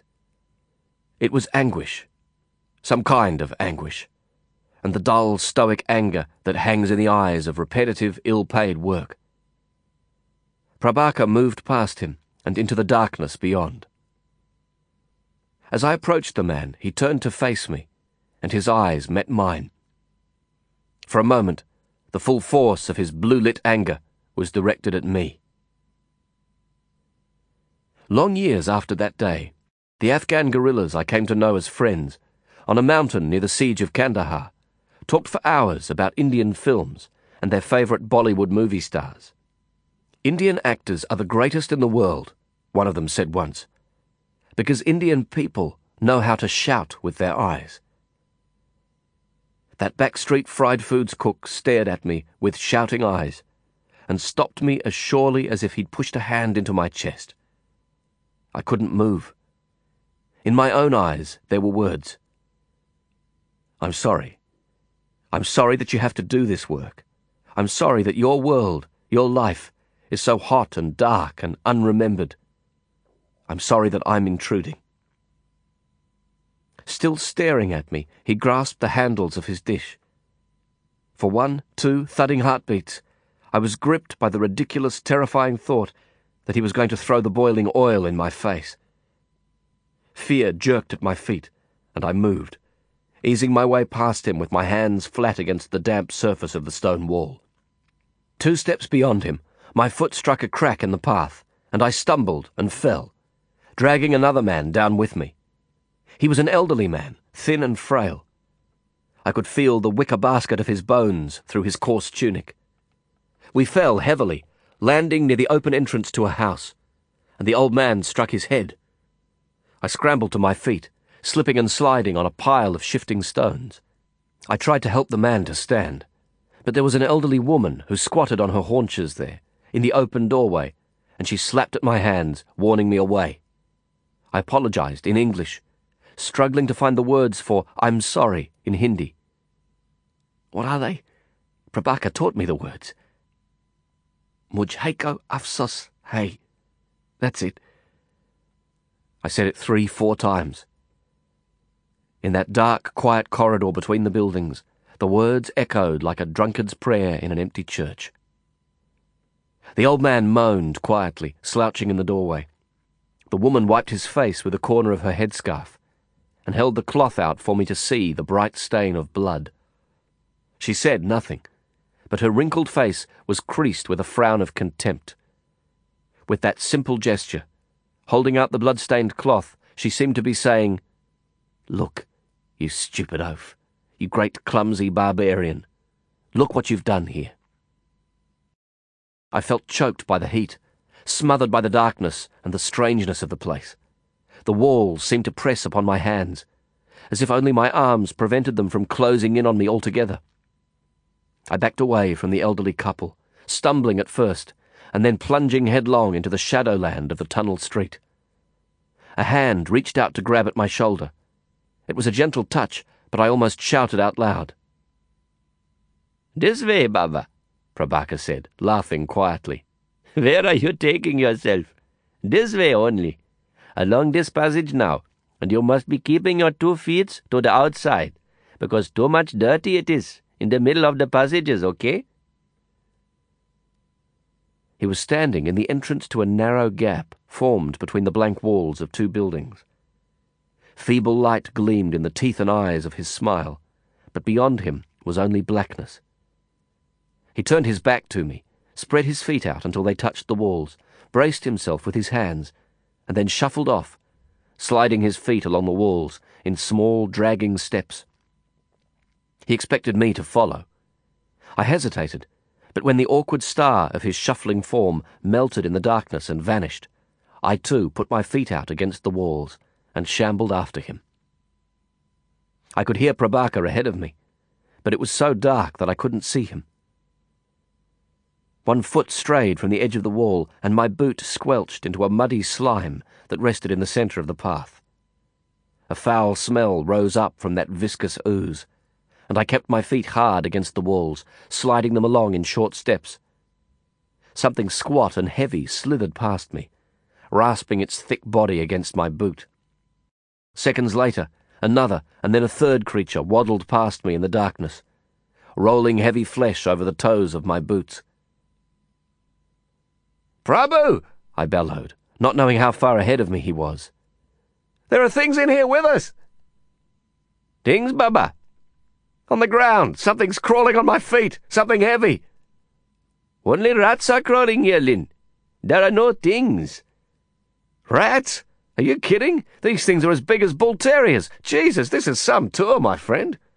No problem, big rats, Lin, Prabaker answered quietly from the darkness in front of me. Big rats are friendly fellows, not making mischief for the people. If you don't attack them.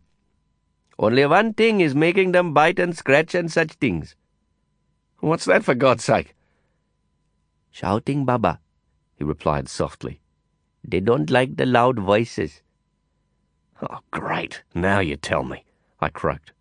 Is it much further? This is starting to give me the creeps, and. He'd stopped, and I bumped into him, pressing him against the panelled surface of a wooden door. Are here, he whispered, reaching out to knock with a complex series of taps and pauses. There was a scrape and clunk as a heavy bolt slid free, and then the door swung open, dazzling us with sudden bright light. Prabaker grasped my sleeve and dragged me with him. Quickly, Lin! No big rats allowed inside! We stepped inside a small chamber, hemmed in by blank walls and lit from high above by a raw silk rectangle of sky. I could hear voices from deeper within the cul-de-sac. A huge man slammed the gate shut. He put his back to it and faced us with a scowl, teeth bared. Prabaker began to talk at once, placating him with soft words and fawning gestures. The man shook his head repeatedly, interjecting regularly to say, No, no, no. He towered over me. I was standing so close to him that I could feel the breath from his wide nostrils, the sound of it like wind whistling through caves on a rocky shore. His hair was very short, exposing ears as large and nubbled as a boxer's practice mitts. His square face seemed to be animated by more strong muscle tissue than the average man has in his back. His chest, as wide as I was from shoulder to shoulder, rose and fell with each breath, and rested upon an immense belly. The fine dagger line of his moustache accentuated his scowl, and he looked at me with such undiluted loathing that a little prayer unfurled itself in my mind. Please God, don't make me fight this man. He raised the palms of his hands to stop Prabaker's wheedling cajolery. They were huge hands, gnarled and calloused enough to scrape the barnacles off the side of a dry docked oil tanker. He says we are not allowed inside, Prabaker explained. Well, I replied, reaching past the man and attempting with unforced enthusiasm to open the door. You can't say we didn't try. No, no, Lin, Prabaker stopped me. We must argue with him about this matter. The big man folded his arms, stretching the seams of his khaki shirt with little ripples of sound. I don't think that's such a good idea, I mumbled, under a tight smile. Certainly it is, Prabaker insisted. Tourists are not allowed here, or to any of the other people markets. But I have told him that you are not one of these tourist fellows. I have told him that you have learned the Marathi language. He does not believe me. That is our problem only. He doesn't believe any foreigner will speak Marathi. You must, for that reason, speak it a little Marathi for him. You will see. He will allow us inside. I only know about twenty words of Marathi, Prabhu. No problem, twenty words, Baba. Just make a begin. You will see. Tell him your name. My name? Yes, like I taught it to you. Not in Hindi, but in Marathi. Okay, just begin. Uh, uh, Maza now Lin Ahay, I muttered uncertainly. My name is Lin. Bapri, the big man gasped, his eyes wide with genuine surprise. Good Lord! Encouraged, I tried a few more of the phrases Prabaker had taught me during the last few weeks. Mazadesh, New Zealand ahay. Atame Colaba Rahela ahay. My country is New Zealand. I am living in Colaba now. Kaigaram Machud! he roared, smiling for the first time. The phrase literally means, what a hot motherfucker. It's so frequently and inventively applied in conversation, however, that it can be loosely translated as son of a gun. The giant grasped my shoulder, squeezing it with amiable severity. I ran through the range of my Marathi phrases, beginning with the first words I'd asked Prabaker to teach me. I love your country very much, and concluding with a request I was often forced to make in restaurants, but which must have seemed spectacularly inappropriate in the little alcove. Please turn off the fan while I am eating my soup. Enough now, Baba, Prabaker gurgled through his wide grin. When I fell silent, the big man spoke swiftly and exuberantly. Prabaker translated for him, nodding and gesturing expressively with his hands. He says he is Bombay policeman, and his name is Vinod. He's a cop? Oh, yes, Lin. A police cop he is. Do the cops run this place? Oh, no. This is part time work only. He says he is so very, very happy to meet you. He says you are the first Gora he ever met who can speak Marathi. He says some foreigners speak Hindi, but nobody foreigner can speak Marathi. He says Marathi is his language, his native place is Pune. He says they speak it a very pure Marathi in Pune, and you must go there to hear it. He says he's too happy. You're like a son to him. He says you must come to his house and eat foods and meet his family. He says that will be 100 rupees. What was that? Bakshishlin. To go inside. 100 rupees it is. Pay him now. Oh, sure. I fumbled a few notes from my pocket, peeled off 100 rupees, and handed it over. There's a special sleight of hand that's peculiar to policemen the conjuring trick that palms and conceals banknotes with a skill that experienced shell game swindlers envy. The big man collected the money with a two handed handshake, smeared a palm across his chest as if brushing away crumbs after eating a sandwich, and then scratched at his nose with practiced innocence. The money had vanished. He pointed along the narrow corridor. We were free to enter. Two sharp turns and a dozen paces beyond the gate and its shaft of bright light, we came upon a kind of courtyard. Several men sat on rough wooden benches or stood in talking groups of two or three. Some were Arabs, dressed in loose cotton robes and kafiyehs. An Indian boy moved among them, serving black tea in long glasses.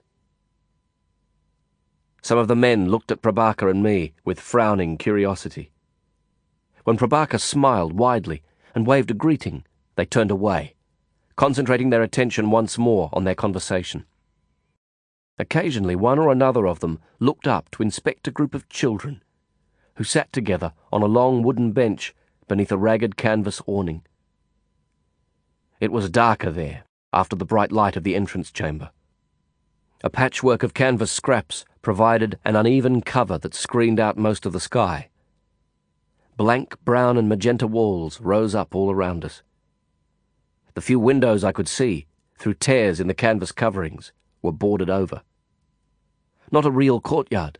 The roughly square space seemed unplanned, a kind of mistake, an almost forgotten architectural accident formed by building and rebuilding on the ruins of other structures within the congested block. The ground was paved with haphazard collections of tiles that had once been the floors of kitchens and bathrooms. Two naked bulbs, strange fruit on the withered vines of bare wires, provided the poor light. We moved to a quiet corner, accepted tea when it was offered, and sipped it in silence for a while.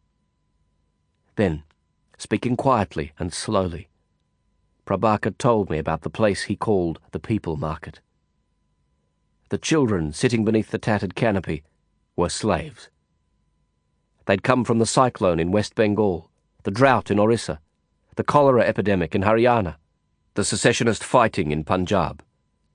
Sourced in calamity, recruited and purchased by scouts, the children had journeyed to Bombay by train, often alone, through all the many hundreds of kilometres. The men gathered in the courtyard were purchasers or agents. Although they seemed to express no great interest, talking amongst themselves and for the most part ignoring the children on the wooden bench, Prabaker assured me that a restrained haggling was taking place, and that bargains were being struck, even as we watched. The children were thin, vulnerable, and small.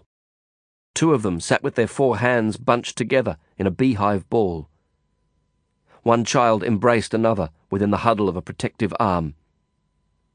All of them stared out at the well fed, well clothed purchasers and agents, following every change of expression or emphatic gesture of their bejeweled hands. And the eyes of those children were like the black gleam at the bottom of a Sweetwater well. What does it take to harden a man's heart? How could I see that place, look at those children, and not put a stop to it? Why didn't I contact the authorities? Why didn't I get a gun and put a stop to it myself? The answer to that like the answers to all the big questions, came in many parts. I was a wanted man, a hunted criminal, living on the run. Contacting police or government authorities wasn't an option for me. I was a stranger in that strange land. It wasn't my country, and it wasn't my culture. I had to know more. I had to know the language that was spoken at the very least before I could presume to interfere. And I learned the hard way that sometimes even with the purest intentions, we make things worse when we do our best to make things better. If I came back with a gun and stopped the slave market there, in that crooked concrete maze, it would start up again somewhere else. Stranger that I was, I knew that much. And maybe the new slave market in a different place would be worse. I was helpless to stop it. And I knew it. What I didn't know then and what troubled me for a long time after that day of the slaves was how I could be there and look at the children and not be crushed by it. I realized much later that a part of the answer lay in the Australian prison and the men I'd met there. Some of those men, too many of them, were serving their fourth or fifth prison sentences. Many of them had begun their imprisonment in reform schools, boys' homes they were called, and youth training centres when they were no older than those Indian slave children. Some of them had been beaten, starved, and locked in solitary confinement. Some of them, too many of them, had been sexually abused. Ask any man with a long enough experience of prisons, and he'll tell you that all it takes to harden a man's heart is a system of justice. And strange and shameful as it is to admit it, I was glad that something, someone, some experience had flinted my heart. That hard stone within my chest was all that protected me from those first sounds and images of Prabaker's dark tour of the city. Hands clapped in brittle echoes, and a little girl stood up from the bench to sing and dance. It was a love song from a popular Hindi movie. I heard it many times, hundreds of times, during the following years, and it always reminded me of that child, ten years old, and her surprisingly strong, high, thin voice. She swayed her hips, pushing up her non existent breasts in a child's imitation of a temptress burlesque, and new interest quirked the heads of the purchasers and agents. Prabaker played the Virgil. His soft voice was ceaseless, explaining all that we saw and all that he knew. He told me that the children would have died if they hadn't found their way to the people market. Professional recruiters, known as talent scouts, roamed from one catastrophe to another, from drought to earthquake to flood. Starving parents, who'd already watched one or more of their children sicken and die, blessed the scouts, kneeling to touch their feet. They begged them to buy a son or a daughter, so that at least that one child would live. The boys on sale there were destined to work as camel jockeys in Saudi Arabia, Kuwait, and other Gulf states. Some would be maimed in the camel races that provided afternoon entertainment for the rich sheikhs, Prabaker said. Some would die. The survivors, grown too tall to ride in the races, were often abandoned to fend for themselves. The girls would work in households throughout the Middle East. Some of them would be used for sex. But they were alive, Prabaker said, those boys and girls. They were the lucky ones. For every child who passed through the people market, there were a hundred others or more who'd starved in unutterable agonies and were dead. The starving, the dead, the slaves. And through it all, the purr and rustle of Prabaker's voice. There's a truth that's deeper than experience it's beyond what we see, or even what we feel. It's an order of truth that separates the profound from the merely clever, and the reality from the perception. We're helpless usually in the face of it. And the cost of knowing it, like the cost of knowing love, is sometimes greater than any heart would willingly pay. It doesn't always help us to love the world, but it does prevent us from hating the world. And the only way to know that truth is to share it from heart to heart, just as Prabaker told it to me, just as I'm telling it to you now. Chapter 4 Do you know the Borsalino hat test? The what? The Borsalino hat test. It is the test that reveals whether a hat is a genuine Borsalino or an inferior imitator. You know about a Borsalino, no? No, I can't say I do. Ah. Didier smiled. The smile was composed of one part surprise, one part mischief, and one part contempt. Somehow, those elements combined in an effect that was disarmingly charming. He leaned slightly forward and inclined his head to one side, his black curly hair shaking as if to emphasize the points in his explanation. The Borsalino is a garment of the first and finest quality. It is believed by many, and myself included, to be the most outstanding gentleman's head covering ever made. His hands shaped an imaginary hat on his head. It is wide brimmed, in black or white, and made from the furs of the lapin. So, it's just a hat, I added, in what I thought to be an agreeable tone. We're talking about a rabbit fur hat. Didier was outraged. Just a hat? Oh, no, my friend. The Borsalino is more than just a hat. The Borsalino is a work of art. It is brushed 10,000 times, by hand, before it is sold. It was the style expression of first choice by discerning French and Italian gangsters in Milan and Marseille for many decades. The very name of Borsalino became a synonym for gangsters. The wild young men of the underworld of Milano and Marseille were called Borsalinos. Those were the days when gangsters had some style. They understood that if you were to live as an outlaw and steal and shoot people for a living, you had a responsibility to dress with some elegance. Isn't it so? It's the least they could do, I agreed, smiling. But of course. Now sadly there is all attitude and no style. It is the mark of the age in which we live that the style becomes the attitude, instead of the attitude becoming the style. He paused, permitting me a moment to acknowledge the turn of phrase. And so, he continued, the test of a real Borsalino hat is to roll it into a cylinder, roll it up into a very tight tube, and pass it through a wedding ring.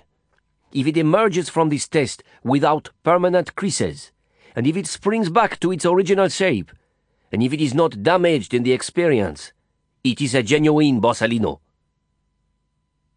And you're saying. Just so! Didier shouted, slamming a fist down on the table. We were sitting in Leopold's, near the square arch of the causeway doors, at eight o'clock. Some foreigners at the next table turned their heads at the noisy outburst, but the staff and the regulars ignored the Frenchman. Didier had been eating and drinking and expostulating at Leopold's for nine years. They all knew there was a line you could cross with him, a limit to his tolerance, and he was a dangerous man if you crossed it. They also knew that the line wasn't drawn in the soft sand of his own life or beliefs or feelings. Didier's line was drawn through the hearts of the people he loved. If you hurt them in any way, you roused him to a cold and deadly rage. But nothing anyone said or did to him, short of actual bodily harm, ever really offended or angered him. Comme ça! That is my point. Your little friend, Prabaker, has put you through the hat test. He rolled you into a tube and dragged you through the wedding ring to see if you are a real Borsalino or not. That was his purpose in taking you on the tour of the bad sights and sounds of the city. It was a Borsalino test. I sipped my coffee in silence, knowing that he was right. Prabaker's dark tour had been a kind of test, but not willing to give Didier the trophy of conceding the point. The evening crowd of tourists from Germany, Switzerland, France, England, Norway, America, Japan, and a dozen other countries thinned out, giving way to the night crowd of Indians and expatriates who called Bombay home. The locals reclaimed places like Leopold's, the Mocambo, Cafe Mondegar, and the Light of Asia every night, when the tourists sought the safety of their hotels. If it was a test, I did at last concede. He must have given me a pass. He invited me to go with him to visit his family, in his village in the north of the state. Didier raised his eyebrows in theatrical surprise. For how long? I don't know. A couple of months, I think. Maybe more. Ah, then it is so, he concluded. Your little friend is beginning to love you. I think that's putting it a bit strong, I objected, frowning. No, no, you do not understand. You must be careful here with the real affection of those you meet. This is not like any other place. This is India. Everyone who comes here falls in love. Most of us fall in love many times over. And the Indians, they love most of all. Your little friend may be beginning to love you. There is nothing strange in this. I say it from a long experience of this country, and especially of this city. It happens often and easily for the Indians. That is how they manage to live together, a billion of them, in reasonable peace. They are not perfect, of course. They know how to fight and lie and cheat each other, and all the things that all of us do. But more than any other people in the world, the Indians know how to love one another. He paused to light a cigarette, and then waved it like a little flagpole until the waiter noticed him and nodded to his request for another glass of vodka. India is about six times the size of France, he went on, as the glass of alcohol and a bowl of curried snacks arrived at our table. But it has almost twenty times the population. Twenty times! Believe me, if there were a billion Frenchmen living in such a crowded space, there would be rivers of blood. Rivers of blood! And as everyone knows, we French are the most civilized people in Europe. Indeed, in the whole world. No, no. Without love, India would be impossible. Letitia joined us at our table, sitting to my left. What do you want about now, Didier, you bastard? she asked companionably, her South London accent giving the first syllable of the last word an explosive ring. He was just telling me that the French are the most civilized people in the world. As all the world knows, he added. When you produce a Shakespeare out of your veal and vineyards, mate, I might just agree with you. Letty murmured through a smile that seemed to be warm and condescending in equal parts. My dear, please do not think that I disrespect your Shakespeare, Didier countered, laughing happily. I love the English language, because so much of it is French. Touche, I grinned, as we say in English. Ulla and Modena arrived at that moment and sat down. Ulla was dressed for work in a small, tight, black halter neck dress, fishnet stockings, and stiletto heel shoes. She wore eye dazzling fake diamonds at her throat and ears. The contrast between her clothing and Letty's was stark. Letty wore a fine, bone coloured brocade jacket over loose, dark brown satin culottes and boots. Yet the faces of the two women produced the strongest and most unexpected contrast. Letty's gaze was seductive, direct, self assured, and sparkling with ironies and secrets, while Ulla's wide blue eyes, for all the make-up and clothing of her professional sexuality, showed nothing but innocence, honest, vacuous innocence. You are forbidden to speak to me, Didier, Ulla said at once, pouting inconsolably. I have had a very disagreeable time with Federico. Three hours, and it is all your fault. Bah! Didier spat out. Federico! oh, Letty joined in, making three long sounds out of one. Something's happened to the beautiful young Federico, has it? Come on, Ulla, me darling, let's have all the gossip. Naya, Federico has got a religion, and he is driving me crazy about it, and it is all Didier's fault. Yes, Didier added, clearly disgusted. Federico has found religion. It is a tragedy. He no longer drinks or smokes or takes drugs. And of course, he will not have sex with anyone, not even with himself. It is an appalling waste of talent. The man was a genius of the corruptions, my finest student, my masterwork. It is maddening. He is now a good man in the very worst sense of the word. Well, you win a few, you lose a few, Letty sighed with mock sympathy. You mustn't let it get you down, Didier.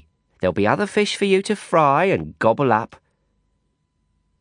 Your sympathy should be for me, Ulla chided. Federico came from Didier in such a bad mood yesterday. He was at my door today in tears. Scheiße, wirklich. For three hours he cried and he raved at me about being born again. In the end I felt so sorry for him. It was only with a great suffering that I let Modena throw him and his Bible books onto the street. It's all your fault, Didier, and I will take the longest time to forgive you for it. Fanatics, Didier mused, ignoring the rebuke. Always seem to have the same scrubbed and staring look about them. They have the look of people who do not masturbate, but who think about it almost all the time. I really do love you, you know, Didier. Letty stuttered through her bubbling laughter. Even if you are a despicable toad of a man. No, you love him because he is a despicable toe of a man, Ulla declared. That's toad love, not toe, Letty corrected patiently, still laughing. He's a toad of a man, not a toe of a man. A despicable toe wouldn't make any sense at all, now would it? We wouldn't love him or hate him just for being a toe of a man, would we, darling? Even if we knew what it meant. I'm not so good with the English jokes, you know that, Letty, Ulla persisted. But I think he is a big, ugly, hairy toe of a man. I assure you, Didier protested, that my toes, and my feet for that matter, are exceptionally beautiful. Karla, Maurizio, and an Indian man in his early thirties walked in from the busy night street. Maurizio and Modena joined a second table to ours, and then the eight of us ordered drinks and food. Len, Letty, this is my friend, Vikram Patel, Karla announced, when there was a moment of relative quiet. He came back a couple of weeks ago, after a long holiday in Denmark, and I think you're the only two who haven't met him. Letty and I introduced ourselves to the newcomer, but my real attention was on Maurizio and Karla. He sat beside her, opposite me, and rested his hand on the back of her chair. He leaned in close to her, and their heads almost touched when they spoke. There's a dark feeling, less than hatred but more than loathing, that ugly men feel for handsome men. It's unreasonable and unjustified, of course, but it's always there, hiding in the long shadow thrown by envy. It creeps out into the light of your eyes when you're falling in love with a beautiful woman. I looked at Maurizio, and a little of that dark feeling began in my heart. His straight white teeth, smooth complexion, and thick dark hair turned me against him more swiftly and surely than flaws in his character might have done. And Karla was beautiful. Her hair, in a French roll, was shining like water running over black river stones, and her green eyes were radiant with purpose and pleasure. She wore a long-sleeved Indian salwar top that reached to below her knees, where it met loose trousers in the same olive silk fabric. I had a great time, yeah, the newcomer, Vikram, was saying when my thoughts returned to the moment. Denmark is very hip, very cool. The people are very sophisticated. They're so fucking controlled, I couldn't believe it. I went to a sauna in Copenhagen. It was a fucking huge place, yeah, with a mixed setup, with men and women together, walking around stark naked. Absolutely, totally naked. And nobody reacted at all. Not even a flickering eye, yeah? Indian guys couldn't handle that. They'd be boiling, I tell you. Were you boiling, Vikram dear? Letty asked sweetly. Are you fucking kidding? I was the only guy in the place wearing a towel, the only guy with a heart on. I don't understand, Ulla said when we stopped laughing. It was a flat statement, neither a complaint nor a plea for further explanation. Hey, I went there every day for three weeks, yeah, Vikram continued. I thought that if I just spent enough time there, I'd get used to it, like all the super cool Danes. Get used to what? Ulla asked. Vikram frowned at her, bewildered, then turned to Letty. It was no good. It was useless. After three weeks, I still had to wear the towel. No matter how often I went there, when I saw those bouncy bits going up and down and side to side, I stiffened up. What can I say? I'm too Indian for a place like that. It is the same for Indian women, Maurizio observed. Even when they are making love, it is not possible to be naked. Well, that's not always true, the Vikram went on. And anyway, it's the guys who are the problem here. Indian women are ready to change. Young Indian chicks from middle class families are wild about change, yeah. They're educated and they're ready for short hair, short dresses, and short love affairs. They're ready for it, but the guys are holding them back. The average Indian guy has a sexual maturity of about 14. Tell me about it, Lettie muttered. Kavita Singh had approached our table moments before and stood behind Vikram while he made his observations about Indian women. With short, styled hair and wearing jeans and a white sweatshirt bearing the emblem of New York University, she was the living woman, the physical representation of what Vikram had been saying. She was the real thing. You're such a chud, Vicky, she said, taking a place opposite him and on my right side. You say all this, but you're just as bad as all the rest. Look at how you treat your own sister, Yar, if she dares to wear jeans and a tight sweater. Hey, I bought her that tight sweater in London last year, Vikram protested. But you still gave her buckets of grief when she wore it to the Jazz Yatra, nah? Well, how was I to know that she would want to wear it outside the apartment? He countered lamely provoking laughter and derision from the whole group. None laughed harder than Vikram himself. Vikram Patel was of average height and build, but average stopped just there with those characteristics. His thick, curly black hair framed a handsome, intelligent face. The bright and animated light brown eyes stared out confidently above a long, hawk like nose and a sharp, immaculately trimmed Zapata moustache. His clothes were black, cowboy boots, jeans, shirt, and leather vest, and he wore a flat black Spanish flamenco hat on his back, hanging from a leather thong at his throat. His bolo tie, dollar coin belt, and hatband were all in silver. He looked like a hero in a spaghetti western movie, and that was in fact the inspiration for his style. Vikram had an obsession with Sergio Leone's films, Once Upon a Time in the West and The Good, the Bad, and the Ugly. Later, when I knew him better, when I watched him win the heart of the woman he loved, and when we stood together to face and fight enemies who wanted to kill me. I learned that he was a hero, and that he would have held his own with any of the gunslingers he adored. Sitting opposite him on that first meeting, I was struck by the ease with which he assumed his black cowboy dream, and the stylish assurance that carried it off.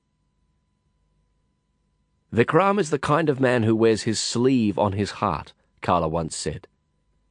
It was an affectionate joke, and one that we all understood, but there was a brittle filament of scorn in it as well. I didn't laugh with the others when she said it. People like Vikram, people who can wear an obsession with panache, always win me over because their honesty speaks directly to my heart. No, it's true, he persisted. In Copenhagen, there was this club. It's what they call a telephone club. There's all these tables, yeah? And every table has a number that's lit up in red lights. If you see someone interesting, someone really hot, sitting at table 12,